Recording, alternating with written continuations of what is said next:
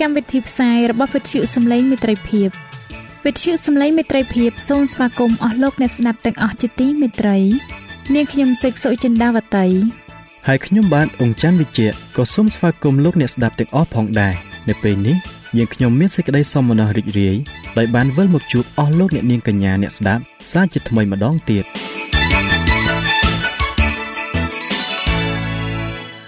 នាងខ្ញុំសេកសុចិន្តាវតី សូមជម្រាបជូនកម្មវិធីផ្សាយដែលមានជាបន្តបន្ទាប់ដូចតទៅនេតិជួបជាមួយព្រះបន្ទូលនេតិសុខភាពចា៎លោកអ្នកស្ដាប់ជាទីមេត្រី នាងខ្ញុំសូមគោរពអញ្ជើញអស់លោកលោកស្រីអ្នកនាងកញ្ញាតាមដានស្ដាប់កម្មវិធីផ្សាយរបស់វិទ្យុយើងខ្ញុំដូចតទៅ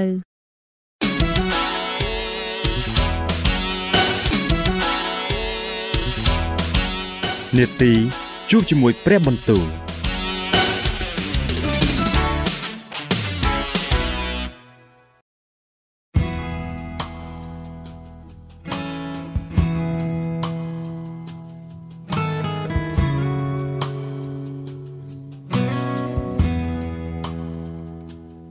ចា៎អស់លោកអ្នកស្ដាប់ជាទីមេត្រី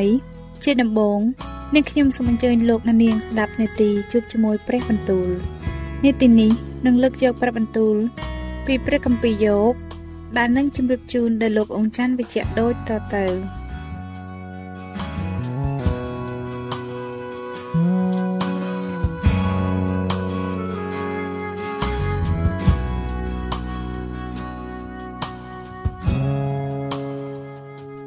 ព្រះគម្ពីរយោបជំពូកទី18នោះមីលដាតសាស៊ូអាក៏ឆ្លើយឡើងថា តើអ្នករាល់គ្នានឹងនៅតែនិយាយដល់កាលណាទៀតចូលពិចារណាចុះរួចមកសំយើងនិយាយហេតុអ្វីបានជាយើងទៅរាប់ទុកដូចជាសត្វដេរិឆានហើយបានត្រឡប់ជាស្មុគគ្រប់នៅផ្នែកអ្នកដូច្នេះអោអ្នកដែលហែកហួរខ្លួនដោយសេចក្តីកំហឹងតើផែនដីទៅចោលស្ងាត់ដោយព្រោះអ្នកឬថ្មត្រូវរើចេញពីកន្លែងទៅឬអីឯពន្លឺនៃមនុស្សអាក្រក់នឹងរលត់ទៅហើយរងើកភ្លើងរបស់គេនឹងលែងភ្លឺ ពន្លឺនៅក្នុងទីលំនៅគេនឹងត្រូវគងឹតវិញហើយចង្គៀងនៅពីលើគេនឹងរលត់ទៅអស់ទាំងជំហាននៃកម្លាំងគេនឹងកាន់តែអន់ថយហើយគំនិតរបស់ខ្លួននឹងផ្ដួលគេផងត្បិតជើងខ្លួនគេនាំឲ្យគេជាប់មកគេដើរលើរង្វង់អន្ទាក់ជានិច្ចអន្ទាក់នឹងរូតជាប់កែងជើងគេ ហើយអន្ទាក់សាងនឹងវត្តឡើងជាប់គេ មានខ្សែរូតបង្កប់ក្នុងដីសម្រាប់ចាប់គេ ហើយមានអង្គប់រងចាំគេនៅផ្លូវ សេចក្តីស្ញាញ់ខ្លាចនឹងបំភ័យគេនៅគ្រប់ទិសហើយនឹងដេញតាមប្រកិតនៅកែងជើងគេកម្លាំងគេហេវទៅដោយអត់ឃ្លានហើយសេចក្តីអន្តរាយនឹងប្រងព្រៀបជាស្រេចនៅខាងគេអវយវៈរូបកាយគេនឹងត្រូវលេបបាត់ទៅគឺកូនច្បងនៃសេចក្តីស្លាប់នឹងស៊ីអវយវៈគេអស់រលីងគេនឹងត្រូវរលឹងចេញពីទីលំនៅដែលបានយកជាទីពឹងហើយនឹងត្រូវនាំទៅចំពោះស្ដេចនៃសេចក្តីស្ញាញ់ខ្លាចមនុស្សក្រៅវងត្រកូលរបស់គេ នឹងមកនៅក្នុងទីលំនៅគេវិញហើយនឹងមានស្ពាន់ធွာរយចុះមកលើទីអាស្រ័យរបស់គេ នៅខាងក្រោមឬគេនឹងត្រូវក្រៀមស្ងួតទៅហើយខាងលើមេឃគេនឹងត្រូវកាត់ចេញទាំងសេចក្តីនឹកចាំពីគេនឹងសូនបាត់ពីផែនដីទៅហើយនឹងលែងលឺនិយាយពីឈ្មោះគេតាមផ្លូវតទៅគេនឹងត្រូវដេញចេញពីពលឺទៅក្នុងទីងងឹតហើយត្រូវប្រដេញចេញពីលោកីផង គេនឹងគ្មានកូនឬចៅក្នុងវងត្រកូលរបស់គេឬអ្នកណាសល់នៅក្នុងកន្លែងដែលគេអាស្រ័យនោះឡើយពួកចំនួនក្រោយនឹងមានសេចក្តីអស្ចារ្យពីប្រវត្តិរបស់គេដូចជាចំនួនមុនបានភ័យខ្លាចដែរប្រកាសជាយ៉ាងនោះហើយដែលជាទីលំនៅរបស់មនុស្សអាក្រក់នេះហើយជាកន្លែងនៃអ្នកដែលមិនស្គាល់ព្រះ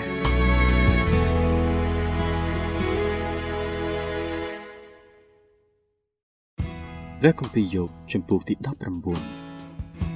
នោះយប់ក៏ឆ្លើយឡើងថា អ្នករស់គ្នានឹងធ្វើទុកដល់ព្រលឹងខ្ញុំហើយជ្រេះជ្រក់ខ្ញុំដោយពាក្យសម្ដីដល់កាលណាទៀតមានទាំង10ដងនេះហើយដែលអ្នករកគ្នាបានដៀលថ្មីខ្ញុំព្រមទាំងបញ្ឈឺចិត្តខ្ញុំដោយឥតខ្មាស់បើសិនជាខ្ញុំបានធ្វើខុសមែនសេចក្តីកំហុសនោះក៏នៅជាប់តែនឹងខ្លួនខ្ញុំទេបើសិនជាអ្នករកគ្នាចង់ធ្វើលើខ្ញុំ ចង់ធ្វើធំលើខ្ញុំហើយជជែកយកខុសត្រូវពីសេចក្តីអាម៉ាស់ខ្មាស់របស់ខ្ញុំនេះ នោះត្រូវដឹងថាគឺព្រះដែលបានផ្ដួលខ្ញុំហើយបានពាត់ខ្ញុំជុំវិញដោយមងរបស់ទ្រង់មើលខ្ញុំស្រែកឡើងថាខ្ញុំត្រូវគេធ្វើអាក្រក់ហើយតែគ្មានអ្នកណាឮសោះខ្ញុំស្រែកឲ្យគេជួយតែគ្មានសេចក្តីយុត្តិធម៌ឡើយទ្រង់បានធ្វើរបងរាំងផ្លូវខ្ញុំមិនឲ្យទៅណាបានក៏បានធ្វើឲ្យផ្លូវច្រករបស់ខ្ញុំងងឹតទៅទ្រង់បានដោះគេឈ្មោះខ្ញុំចេញ ព្រមទាំងចាប់យកមកកត់ពីក្បាលខ្ញុំចេញផងទ្រង់បានបំផ្លាញខ្ញុំពីគ្រប់ទិសហើយខ្ញុំកំពុងតែទៅបាត់ឯសេចក្តីសង្ឃឹមរបស់ខ្ញុំនោះទ្រង់បានរំលឹកចេញដូចជាដើមឈើទ្រង់បានបង្កាត់សេចក្តីក្រោធរបស់ទ្រង់ទាស់នឹងខ្ញុំក៏រកខ្ញុំទុកដូចជាសត្រូវនឹងទ្រង់ពលទ័ពរបស់ទ្រង់ចូលមកព្រមព្រំគ្នាហើយលើកថ្នល់មកទាស់នឹងខ្ញុំ ក៏បោះទ័ពព័ទ្ធជុំវិញទីលំនៅរបស់ខ្ញុំដែរទ្រង់បានញែកពួកបងប្អូនខ្ញុំចេញឆ្ងាយពីខ្ញុំហើយពួកអ្នកដែលខ្ញុំស្គាល់ក៏ត្រឡប់ទៅជាអ្នកដទៃទាំងអស់ញាតិសន្តានខ្ញុំបានទុកខ្ញុំចោលហើយមើលសម្លាញ់ដែលជិតស្និទ្ធក៏ភ្លេចខ្ញុំអស់ហើយទាំងពួកអ្នកនៅផ្ទះខ្ញុំនិងបាវស្រីក៏ទុកខ្ញុំដូចជាអ្នកដទៃខ្ញុំដូចជាអ្នកកំទៀតដល់ភ្នែកគេខ្ញុំហៅអ្នកបម្រើខ្ញុំ តែវាមិនឆ្លើយសោះ ទោះបើខ្ញុំសុំអង្វរវាផងខ្យល់មាត់របស់ខ្ញុំជាទីស្អប់ខ្ពើមដល់ប្រពន្ធខ្ញុំហើយសេចក្តីអង្វររបស់ខ្ញុំជាទីខ្ពើមដល់បងប្អូនពោះមួយនឹងខ្ញុំដែរទោះទាំងកូនក្មេងក៏មើលងាយដល់ខ្ញុំបើកាលណាខ្ញុំក្រោកឡើងនោះវានិយាយបង្កាច់ខ្ញុំពួកមិត្តសម្លាញ់ចិត្តស្និទ្ធក៏ខ្ពើមឆ្អើមខ្ញុំហើយទាំងពួកអ្នកដែលខ្ញុំបានស្រឡាញ់ធ្នមក៏ប្រែជាទាស់នឹងខ្ញុំវិញឆ្អឹងខ្ញុំនៅជាប់នឹងស្បែក ហើយនឹងសាច់ខ្ញុំខ្ញុំរួចបានតែជីវិតប៉ុណ្ណោះឲ្យអ្នករស់គ្នាជាសម្លាញ់ខ្ញុំអើសូមអាណិតខ្ញុំសូមអាណិតខ្ញុំផងត្បិតព្រះហស្ថនៃព្រះបានពណ៌ខ្ញុំហើយហេតុអ្វីបានជាអ្នករស់គ្នាដេញតាមខ្ញុំដូចជាព្រះដែរហើយមិនទាន់ឆ្អែតនឹងសាច់ខ្ញុំទៀតអោបើសិនជាពាក្យខ្ញុំបានសរសេរចោលបើបានកត់ទុកក្នុងសិភៅនេះទៅឯង គឺបានធ្លាក់នៅនឹងថ្មដោយដៃឆ្លាក់ហើយនឹងសំណល់ទុកជារៀងរៀបតទៅប៉ុន្តែឯខ្ញុំខ្ញុំដឹងថា អ្នកដែលលួចខ្ញុំទ្រង់មានប្រជញ្ញរស់នៅហើយដល់ជន់ក្រោមទ្រង់នឹងមកឈរនៅលើផែនដីហើយក្រោយដែលសម្បកកាយខ្ញុំនេះត្រូវរលាយទៅគឺក្រៅពីរាងកាយនោះខ្ញុំនឹងបានឃើញព្រះដែលខ្ញុំ គឺខ្លួនខ្ញុំនេះនឹងឃើញតែខ្លួនខ្ញុំមិនមែនអ្នកណាទៀត គឺភ្នែកខ្លួនខ្ញុំនឹងបានឃើញត្រង់ចិត្តខ្ញុំក៏ហេទៅនៅក្នុងខ្លួនដោយរកចាំពេលនោះដូច្នេះបានអ្នករាល់គ្នាពោលថាចាំមើលយើងនឹងធ្វើទុកវាយ៉ាងណាដោយយល់ឃើញថាដើមហេតុនៃសេចក្តីនេះនឹងនៅខ្លួនខ្ញុំយ៉ាងនោះត្រូវឲ្យខ្លាចចំពោះដាវចោះត្បិតសេចក្តីក្តៅក្រហាយនឹងនាំឲ្យមានទោសដោយដាវនោះឯង ដើម្បីឲ្យអ្នករាល់គ្នាបានដឹងថា មានសេចក្តីយុត្តិធម៌ដែរព្រះគម្ពីរយោបជំពូកទី20នោះសុផាជាសាសនាអាម៉ាក៏ឆ្លើយឡើងថាគឺដោយហេតុនោះបានជាគំនិតខ្ញុំបណ្ដាលឲ្យឆ្លើយដោយព្រោះសេចក្តីរស់រាន់នៅក្នុងចិត្តខ្ញុំខ្ញុំបានលើសេចក្តីបន្ទោសនោះដែលជាសេចក្តីទំនាស់ចិត្តខ្ញុំវិញ្ញាណនៃសេចក្តីចេះដឹងរបស់ខ្ញុំក៏បណ្ដាលឲ្យខ្ញុំឆ្លើយឡើង តើអ្នកមិនបានដឹងសេចក្តីនេះទេឬអីថាតាំងពីបុរាណមកគឺពីកាលព្រះបានដាក់មនុស្សឲ្យមាននៅលើផែនដីនោះការជ័យជំនះរបស់មនុស្សអាក្រក់នៅមិនយូរប៉ុន្មានហើយសេចក្តីរីករាយរបស់មនុស្សធ្មឹលល្មើសក៏នៅតែមិនផ្លែតទេទោះបើគេមានកម្ពស់ដល់ផ្ទៃមេឃហើយក្បាលគេលូតឡើងដល់ពពកក៏ដោយគង់តែនឹងត្រូវវិនិច្ឆ័យទៅជានិច្ចដូចជាលមួតរបស់ខ្លួនគេដែរឯពួកអ្នកដែលធ្លាប់ឃើញគេនោះនឹងសួរថាតើគេនៅឯណា គេនឹងហោះហើរទៅបាត់ដូចជាសពឥតមានអ្នកណាឃើញទៀតឡើយអានឹងត្រូវបណ្ដេញទៅដូចជាការជាក់ស្ដែងនៅពេលយប់ផងនោះភ្នែកដែលធ្លាប់ឃើញគេនឹងមិនឃើញគេទៀតទេហើយទីកន្លែងរបស់គេនឹងលែងឃើញគេដែរកូនចៅគេនឹងសូមអង្វរដល់ពួកតលក្រដៃរបស់ខ្លួនគេនឹងត្រូវប្រគល់ទ្រព្យសម្បត្តិទៅវិញឆ្អឹងគេពេញកម្លាំងដោយសន្តាននៅក្មេង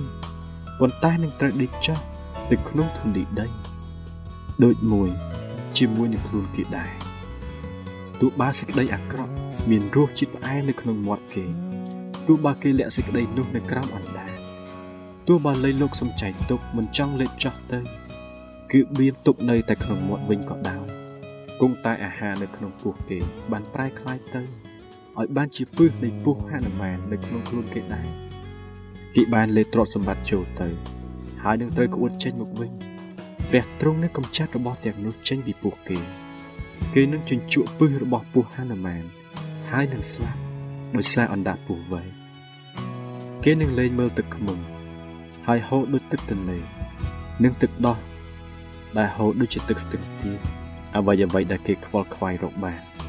នោះនឹងទៅប្រគល់ទៅវិញឥតទំពាលេបានទេគេនឹងប្រគល់ទៅវិញតាមចំនួនឥតដែលបានសบายចិត្តដោយសាររបស់ទាំងនោះឡើយ ពីព្រោះគេបានសង្កត់សង្កិនឥតរមិលឥតរមិលដល់ពួកទាល់ក្រក៏បានដឹកជន់យកផ្ទះមួយដែលខ្លួនមិនបានសង់ផងមុខជាគេនៅគ្មានសេចក្តីសុខនៅក្នុងចិត្តទេ ហើយនឹងទុករបស់ដែលគេពេញចិត្តឲ្យគង់នៅមិនបានឡើយគ្មានសាលអ្វីដែលគេមិនបានប្របាក់លេបចូលទៅនោះទេហេតុនោះសេចក្តីចម្រើនរបស់គេនឹងមិនស្ថិតស្ថេរឡើយ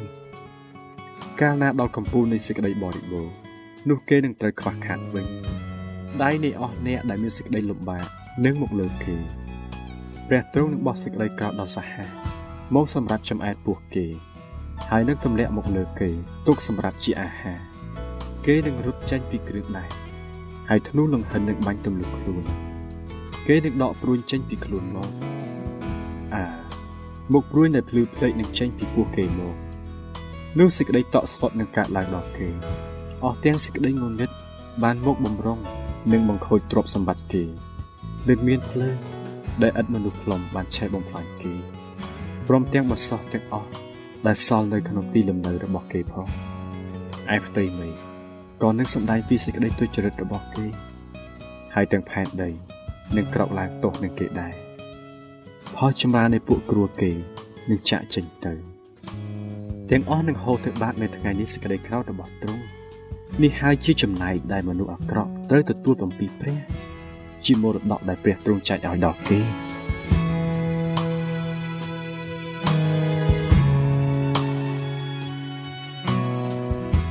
ចា៎ប្រិយមិត្តអ្នកស្ដាប់ជាទីមេត្រី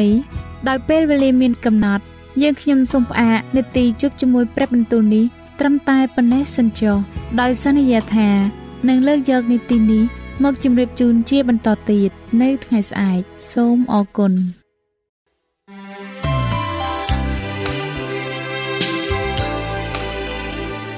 វិទ្យុសំឡេងមេត្រីភាព AWR នាំមកជូនលោកអ្នកនៅសារនៃសេចក្តីស្រឡាញ់ពីព្រះអង្គម្ចាស់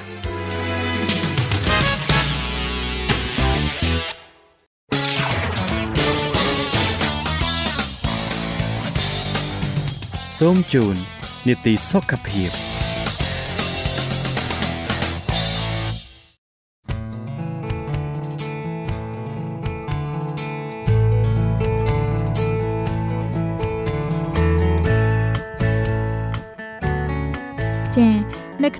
សុខភាពនៅថ្ងៃនេះ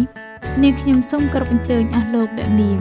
តាមដានស្ដាប់មេរៀនសុខភាពដែលនឹងជម្រាបជូនដោយកញ្ញាឌីណាដូចតទៅ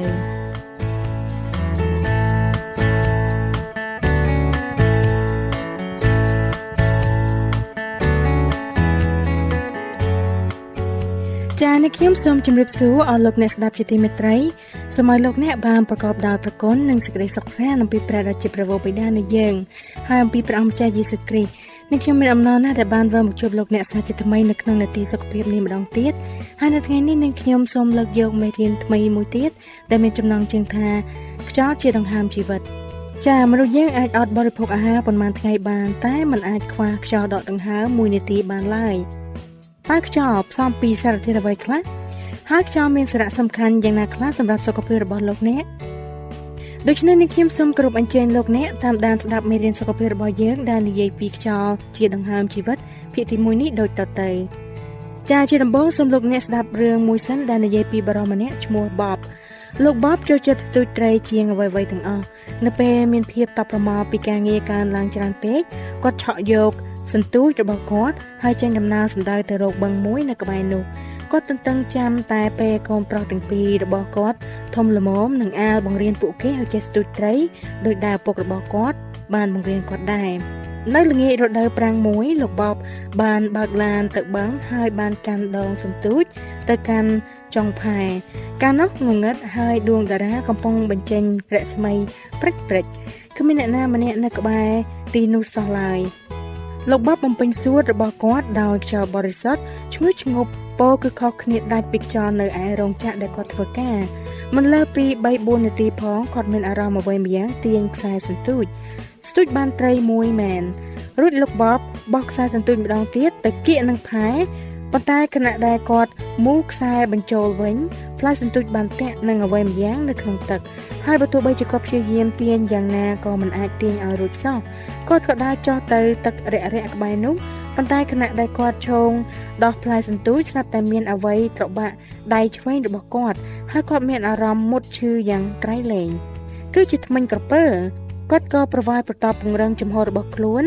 ប៉ុន្តែឥតប្រយោជន៍សោះព្រោះក្រពើនោះវាខ្លាំងណាស់គាត់ខំតស៊ូរកដង្ហើមនឹងជីវិតគាត់ប្រយុទ្ធប៉ុន្តែគ្មានផ្លូវទេគាត់មិនអាចបញ្ឈប់វាបានឡើយទាំងក្អកផងនិងឆ្លក់ទឹកផង គាត់មានអារម្មណ៍ថាខ្លួនរបស់គាត់ត្រូវបានអូសទៅកាន់ទឹកជ្រៅរួចលោកបបក៏បុកនឹងគំនោផែចាស់ចាស់ឬសូភុះភ្លាមភ្លាមនោះគាត់ក៏រំដោះខ្លួនរួចស្រូបយកខ្យល់បំពេញសួតហើយក៏ប្រឹងហែលពេញទំហឹងឆ្ពោះមករកផែវិញលើកនេះក្រពើដ៏រហ័សបានត្របាក់ជើងខាងស្ដាំរបស់គាត់ម្ដងហើយគាត់ទទួលអារម្មណ៍ថាខ្លួនគាត់ត្រូវវាអូសចូលទៅទឹកជ្រៅម្ដងទៀតរបស់ដែលគាត់ឃើញចុងក្រោយគឺពន្លឺនៅផែចាប់ផ្ដើមរលត់ទៅ ចេញពីក្រសែភ្នែកពីចម្ងាយស្ត្រីបដោផ្ដាច់របស់គាត់បានអូសគាត់ចុះទៅក្នុងភក់បាតបឹងដើម្បីធ្វើឲ្យគាត់ថប់ដង្ហើម។គំនិតចុងក្រោយរបស់លោកបាបគឺការអធិដ្ឋានសូមការជួយរំដោះឲ្យរួចនិងសូមឲ្យព្រះជាម្ចាស់ថែរក្សាភរិយានិងកូនប្រុសទាំងពីររបស់គាត់បន្ទាប់មកមានតែភាពងងឹតសូនសង ក្រោយមកលោកបបដឹងខ្លួនក៏បើកភ្នែកឡើងក្នុងពន្លឺដួងច័ន្ទគាត់បានឃើញថាគាត់ត្រូវបានសៀតជាប់នៅក្នុងកំពតព្រៃនៅតាមឆ្នេរគាត់លូកដៃស្ទាបពិនិត្យមើលខ្លួនគាត់ហើយក៏អន់ណាស់ដែលអវយវៈរបស់គាត់នៅជាប់ដងខ្លួននៅឡើយគាត់ខ្សត់តិចតិចឡើងថាអរប្រគុណព្រះជាម្ចាស់ច្បាស់ណាស់ក្រពើបានទុកគាត់ចោលចាំត្រឡប់មកស៊ីគាត់ពេលក្រោយវិញកំពត់ព្រៃក៏ក្រាស់ខ្មឹកហើយជំពាក់វៈវិនពិបាករកផ្លូវចេញ ហើយផ្លូវចេញតែមួយប៉ុណ្ណោះក៏ត្រូវត្រឡប់ទៅរកទឹករយៈហើយអូសខ្លួនទៅរកផែប្រហែល45ម៉ែត្រខាងមុខគាត់រំកិលទៅមុខបន្តិចម្ដងបន្តិចម្ដងទាំងក្តៅឈឺចាប់យ៉ាងខ្លាំងគាត់កើតមានសេចក្តីភ័យរន្ធត់ព្រោះឃើញខ្សែពពុះឈ្មោះមករកគាត់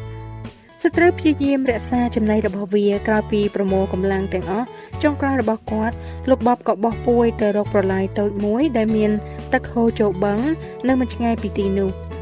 ពេលនេះគាត់អាចឃើញសសរស្ពានដែលឆ្លងប្រឡាយហើយក្នុងពន្លឺព្រៀងព្រៀងគាត់មើលឃើញបរិសម្នាក់ចូលនៅលើស្ពាននោះលោកបបស្រែកឲ្យគេជួយ ជួយផងក្រពើដេញតាមខ្ញុំហើយ បរោះនោះក៏រត់ចុះទៅឯប្រឡាយភ្លាម ហើយចាប់កាន់ដៃដែលមិនរងរបួសរបស់លោកបបហើយទាញគាត់ចេញពីទឹកដោយភាពតឹងខ្សោយពីការបាត់បង់ឈាមនិងភ័យខ្លាចលោកបបក៏សន្លប់នៅលើគោលស្ពានឈើនោះទៅពិតជាប្រសើរជាពុនពេកណាស់ដែលគាត់នៅអាចដកដង្ហើមស្រូបយកខ្យល់បរិសុទ្ធម្ដងហើយម្ដងទៀតបានរាល់ដង្ហើមចេញចូលប្រហែលសុទ្ធតែជាសេចក្តីអធិដ្ឋានអរព្រគុណព្រះជាម្ចាស់ដែលសង្គ្រោះគាត់ គាត់គឺពិតជាអំណោយទានរបស់ព្រះជាម្ចាស់មែនហើយយើងមិនអាចរស់បានយូរដោយគ្មានខ្យល់បានទេ នៅពេលលោកអ្នកមិនអាចដកដង្ហើមបាននោះអ្វីអ្វីផ្សេងក៏លែងសំខាន់ដែរប៉ុន្តែអ្នកអាចរស់បានពី4ទៅ6សប្តាហ៍ដោយគ្មានអាហារអ្នកអាចរស់បានពី5ទៅ7ថ្ងៃដោយគ្មានទឹកប៉ុន្តែជាទូទៅបើខ្វះខ្យល់និងខ្យល់អុកស៊ីហ្សែនដែលរក្សាជីវិតនោះជីវិតរស់នៅនឹងរាប់ត្រឹមនាទីប៉ុណ្ណោះ មិនមែនប៉ុន្មានថ្ងៃឬសប្តាហ៍នោះទេចាចំណុចទី1តើខ្យល់ផ្សំឡើងពីអ្វីខ្លះខ្យល់បរិសុទ្ធគឺជាការផ្សំឧស្ម័នមួយចំនួនដែលរក្សាជីវិតឲ្យមានលំនឹងចានៅក្នុងខ្យល់ដែលយើងដកដង្ហើមរៀងរាល់ថ្ងៃមាននីត្រូសែនចំនួន78%មានអុកស៊ីហ្សែនចំនួន21%និងមានឧស្ម័នផ្សេងៗចំនួន1% តាមពិតខ្យល់បរិសុទ្ធដែលមានគុណភាពខ្ពស់គឺជាខ្យល់ដែលមានចរន្តអគ្គិសនីតើអ្នកស្រូបស្រូបយកខ្យល់នៅក្រៅផ្ទះបន្ទាប់ពីមានព្យុះកូលាន់ឬទេអុកស៊ីហ្សែនមានផ្ទុកម៉ូលេគុលអវិជ្ជមាននេះជួយផ្ដល់នូវញៀនស្រស់ថ្លាធូរស្រាលពីភាពតានតឹង កាត់បន្ថយចង្វាក់បេះដូងជំនួយដល់ការរៀនសូត្រនិងផ្ដល់ផលប្រយោជន៍ដល់សុខភាពច្រើនដទៃទៀត ខ្យល់ដែលមានសមាភិបអុកស៊ីហ្សែនល្អជួយបង្កើនអត្រាលូតលាស់ក្នុងរុក្ខជាតិនិងសត្វទាំងឡាយជាងនេះទៅទៀតវាបន្ថយនៅអត្រារស់របស់បាក់តេរី និងវីរុសទាំងឡាយដែលនៅក្នុងខ្យល់សម្ភារៈបង្កើតអ៊ីយ៉ូតខ្យល់ក្នុងផ្ទះមានយ៉ាងសម្បូរបែបនៅលើទីផ្សារចូលជាវៀងឧបករណ៍ណាដែលផលិតអូโซនដែលជារបស់រំខានអាចធ្វើឲ្យរោគហឺតកាន់តែធ្ងន់ធ្ងរធ្វើឲ្យបាត់បង់ខៀនវិញ្ញាណហើយបណ្ដាលឲ្យក្អក ជាក្បាលនិងចង់ក្អួតចង្អោរក្នុងមួយថ្ងៃមួយថ្ងៃមនុស្សពេញវ័យដែលមានសុខភាពល្អទទួលទានអាហារ1គីឡូ3ខាំវត្ថុធាតុរាវ1លីត្រកន្លះនិងអុកស៊ីហ្សែន2គីឡូ7ខាំអុកស៊ីហ្សែនប្រមាណ71គីឡូនោះចូលទៅក្នុងឈាមហើយបញ្ជូនទៅកាន់កោសិកាជាលិកាក្នុងរាងកាយទាំងមូលចំណុចទី2ខ្យល់កង្វក់ ចាប់តាំងពីចំនួនស្ដេចហាមរាប៊ីដែលជាស្ដេចបុរាណគេចាត់ទុកថាការដកដង្ហើមស្រូបខ្យល់ស្រស់បរិសុទ្ធគឺជាសិទ្ធិមនុស្សបឋមមួយក្នុងយុគនៃអ្នកកាន់សាសនាគ្រីស្ទវិញសិទ្ធិស្របច្បាប់នេះត្រូវបានទទួលស្គាល់ក្នុងឆ្នាំ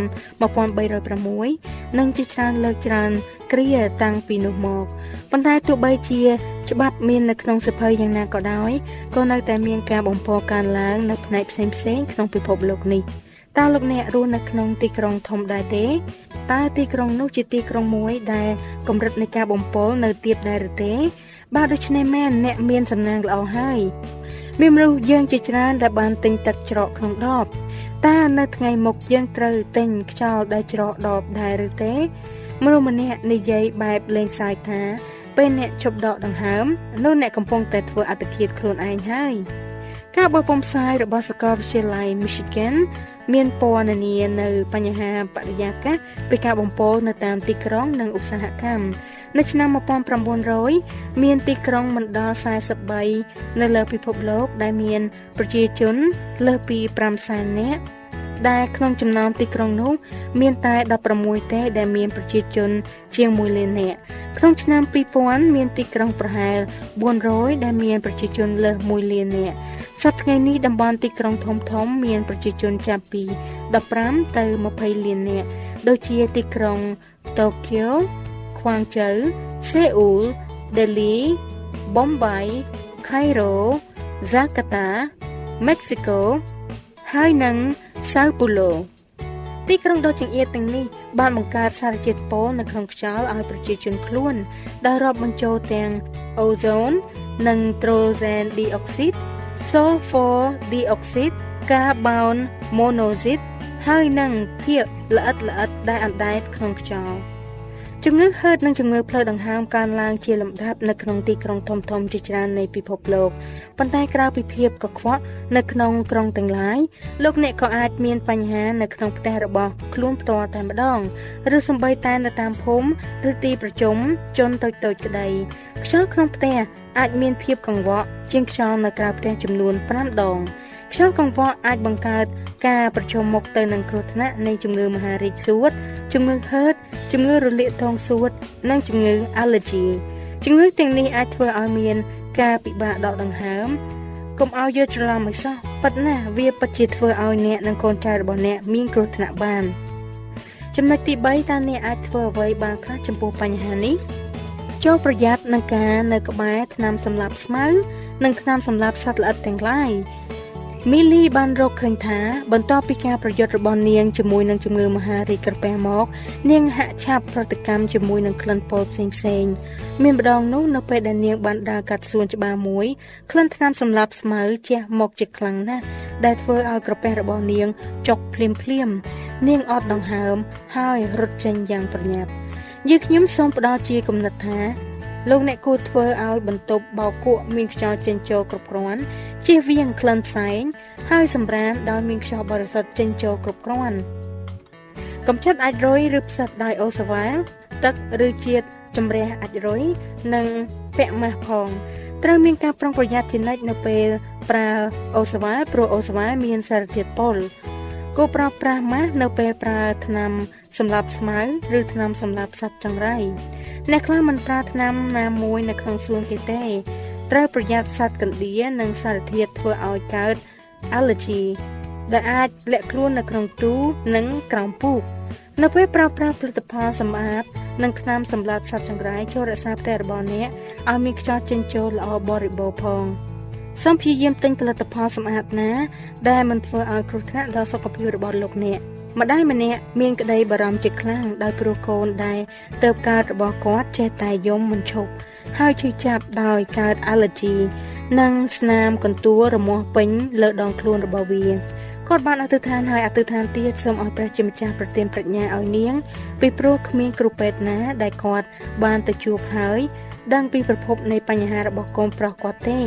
នាងក៏ចាប់ផ្ដើមកត់ត្រាកំណត់ហេតុទុក ហើយបានរកឃើញថាហេតុការមានការពាក់ព័ន្ធទៅនឹងថ្ងៃដែលនាងសម្អាតផ្ទះដោយប្រើសារធាតុពុល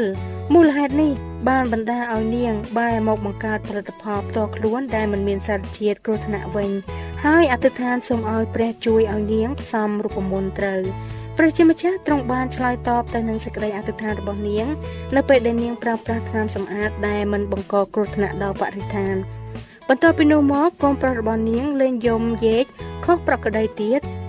ជាយថាហេតុនាងបានក្លាយជាសេដ្ឋីម្នាក់ដោយការលក់ផលិតផលរបស់នាង អង្គធាតុដែលបង្កឲ្យខ្យល់កង្វក់មួយទៀតគឺ radon gas រ៉ាដុងគឺជាបុព្វហេតុចម្បងទី2ដែលបណ្ដាលឲ្យការជំងឺមហារីកសួត បន្ទាប់ពីការជក់បារីទំហំនៃជំងឺមហារីកសួតដែលពាក់ព័ន្ធទៅនឹងសារធាតុរ៉ាដុងត្រូវគេប៉ាន់ប្រមាណថានៅចន្លោះពី3ទៅ24%អូស្មန်រ៉ាដុងកើតមកពីសារធាតុអ៊ុយរ៉ានីយ៉ូមក្នុងដីនិងក្នុងថ្ម វាចូលទៅក្នុងផ្ទះតាមប្រហោងប្រេះនៃដំណជញ្ជាំងស៊ីម៉ង់តាមចន្លោះឥដ្ឋការ៉ូ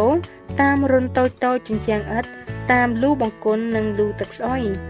ដូច្នេះការមាន ខ្យល់ចេញចូលក្នុងផ្ទះឲ្យបានគ្រប់គ្រាន់គឺជារឿងសំខាន់ខ្លាំងណាស់ឧបករណ៍ពិសោធន៍សារធាតុរដុងអាចរកបាននៅតាមហាងលក់សម្ភារៈផ្ទះសម្បែង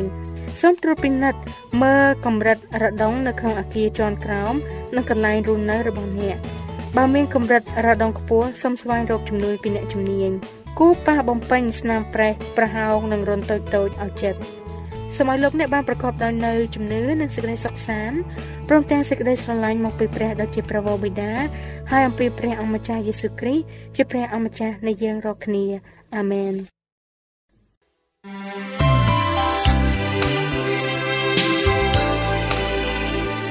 វិទ្យុសំឡេងមេត្រីភាព AWR មានផ្សាយពីរដងក្នុងមួយថ្ងៃ គឺព្រឹកនៅម៉ោង6និងពេលយប់នៅម៉ោង8